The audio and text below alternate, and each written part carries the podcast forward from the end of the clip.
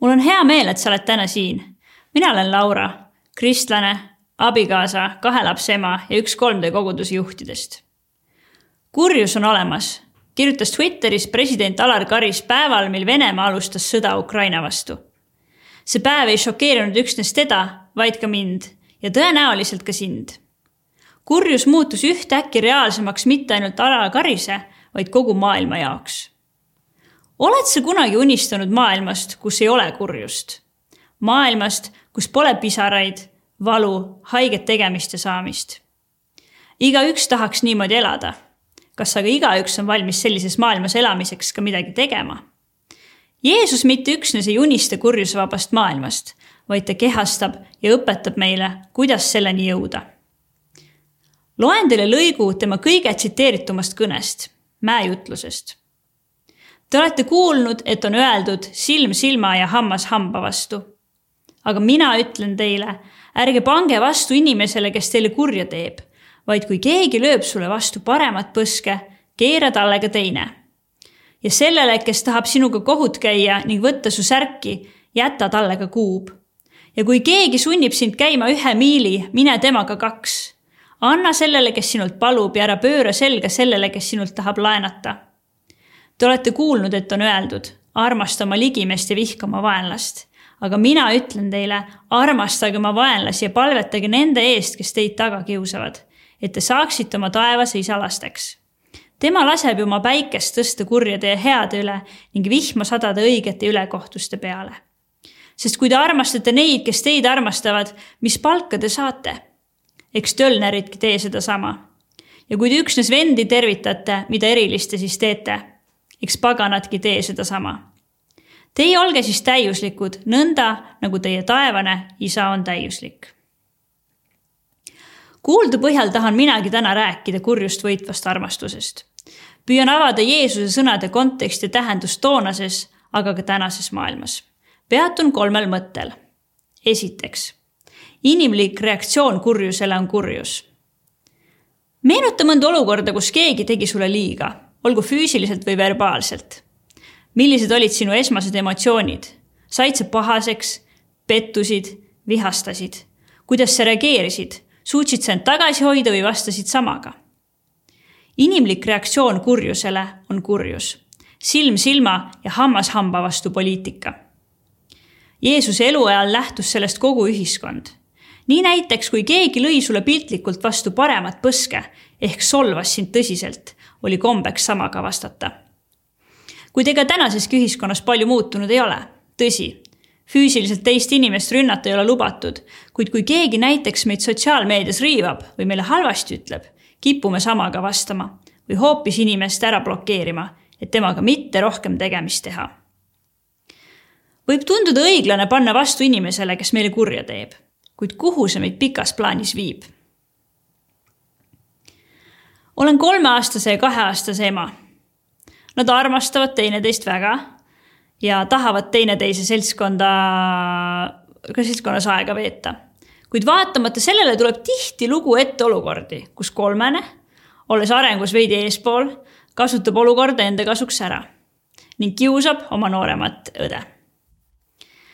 meenub üks olukord, kus ta teadlikult haaras pisema käest mänguasja ära ning jooksis sellega naerdes minema mind kui ema tegi see väga pahaseks. ning ma läksin ja haarasin jõuga selle mänguasja enda kätte ja viisin selle nooremale lapsele tagasi. loomulikult sain aga koheselt aru, kui kehv lahenduskäik see oli. ühest küljest ütlen lapsele, et teise käest ei tohi asju ära haarata ja ise teen talle just sedasama. see aga ongi meie niivõrd inimlik loomus, reageerida emotsiooni ajal ja vastata kurjale kurjaga siit jõuan oma teise mõtteni. Jeesus näeb kurjust, ülekohut ja tagakiusu kui võimalust. see, kuidas me olukordadele reageerime, pole mitte meie isiklik asi, vaid mõjutab rohkemat ja rohkemaid, kui arvata oskame. me kõik esindame oma käitumisega kedagi või midagi. mina kui kristlane pean endale näiteks aru andma, et see, kuidas mina ühes või teises olukorras käitun, on kellegi jaoks esitlus sellest, milline on Jumal. kui mina vastan kurjale kurjaga, on mind analüüsiva inimese silmis ka jumal kuri või piibellik elunägemus kasutu. kui suudan olla andestav ja armastav, võin end jälgiva inimese panna endalt küsima, miks ta selles olukorras nii käitus, mis või kes andis talle selleks jõu. Jeesus nägi kurjust, ülekohut ja tagakiusu kui võimalust. Oma õpetusega pakkus ta alternatiivi tolleaegsele elunägemusele ja ühiskonnakorraldusele. Teoloog Glen Stassen on täna jutuks olevat Jeesuse mäejutluse osa analüüsinud ning jõudnud järeldusele, et Jeesus kirjeldab oma tekstis mitte idealistlikke käitumismustreid nagu sõnasõjas teise põse keeramine, õiglust taga nõudvale inimesele oma kuue loovutamine, sind miili kõndimisega karistanud Rooma sõduriga teise miili kõndimine või muud taolist, vaid ideed sellest, kuidas välja murda kurjuse nõiaringist kurjusele kurjusega vastamine või isegi lihtsalt kurjusest põgenemine ei vabasta meid sellest. ainus, mis selle nõiaringi murrab, on üllatuslik suunamuutus, elu muutev algatus, mis pöörab ringi vastupidises suunas. mis võiks olla sinu tänane elu muutev algatus? ehk võiksid sa kirjutada end pidevalt kritiseerivale kolleegile kaardi, kus tunnustada teda millegi eest mida ta hästi teeb. või kutsuda oma sünnipäevale ka need klassikaaslased, kes sind teadlikult kutsumata jätavad. või vabandada kellegi ees, kes võlgneb tegelikult suurema vabanduse sulle endale. just sellised teod on need, mis murravad kurjuse nõiaringi. kuidas aga sellist armastust endas leida?